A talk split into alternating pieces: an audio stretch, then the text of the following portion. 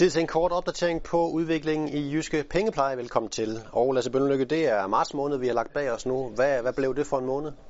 Det blev, øh, det blev endnu en, en, en positiv måned, øh, ligesom vi så i februar. Dog lidt mere moderat karakter her i, i marts måned, men, men, men positiv. Øh, hvis vi kigger på aktivklasserne, så overordnet set har det været en positiv måned, men det er selvfølgelig med, med udsving inden for de for, forskellige aktive klasser.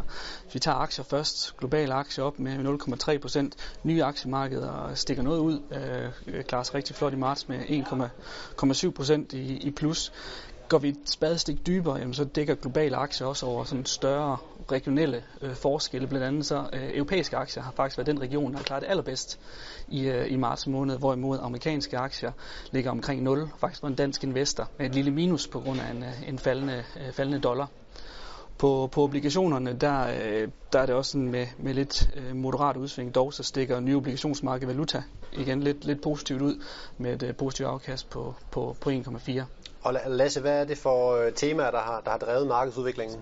Jamen, som vi har snakket om øh, de seneste øh, måneder, så, øh, så selvfølgelig øh, Trump og den øh, positive vind, der ligesom er blæst efter, at han øh, blev valgt, det er stadigvæk i fokus. Men det er vigtigt, øh, vigtigt at have for øje, at det er altså ikke alene det, der driver det.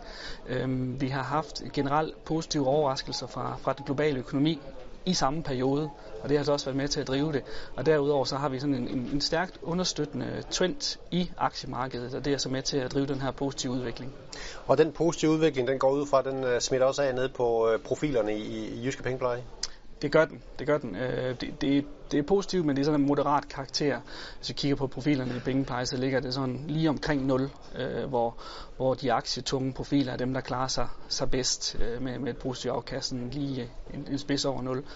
Øhm, vi har en overvægt af aktier. Øh, det er positivt. Nogle af de aktievalg, vi har taget, har bare ikke klaret sig helt, øh, helt så godt. Kigger vi på sådan et sammenligneligt øh, markedsafkast, så ligger vi på niveau eller en lille smule efter, øh, alt efter hvilken profil man har. Og Lasse, nogle ting, der sådan har, har ændret sig i den måde, porteføljerne er skruet sammen på her i marts? Ja, vi har faktisk lavet øh, et, et par ændringer i øh, pengeplejeprofilerne. Vi har inden for vores øh, traditionelle obligationer, der har vi reduceret vores renterisiko øh, en lille smule, sådan at vi ikke er helt så sårbare øh, over for, for stigende renter. Derudover så har vi øh, taget lidt gevinst og reduceret i, øh, i en af vores øh, defensive aktiekomponenter, den her Nordea Invest stabile aktier, så har vi i stedet for købt nogle, øh, nogle Jysk Invest virksomhedsobligationer. Og øh, ja, første kvartal er slut, marts er slut. Lasse, hvordan kigger I frem mod den kommende periode på, på finansmarkederne? Vi er fortsat, øh, fortsat positive, der vores syn har ikke, øh, har ikke ændret sig.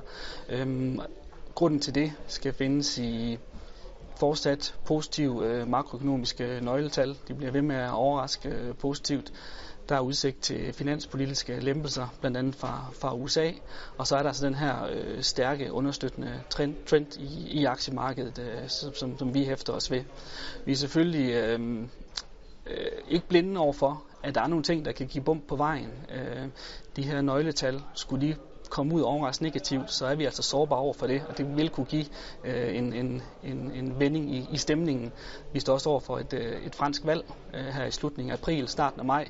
Det vil også kunne give nogle udsving på, på de finansielle markeder.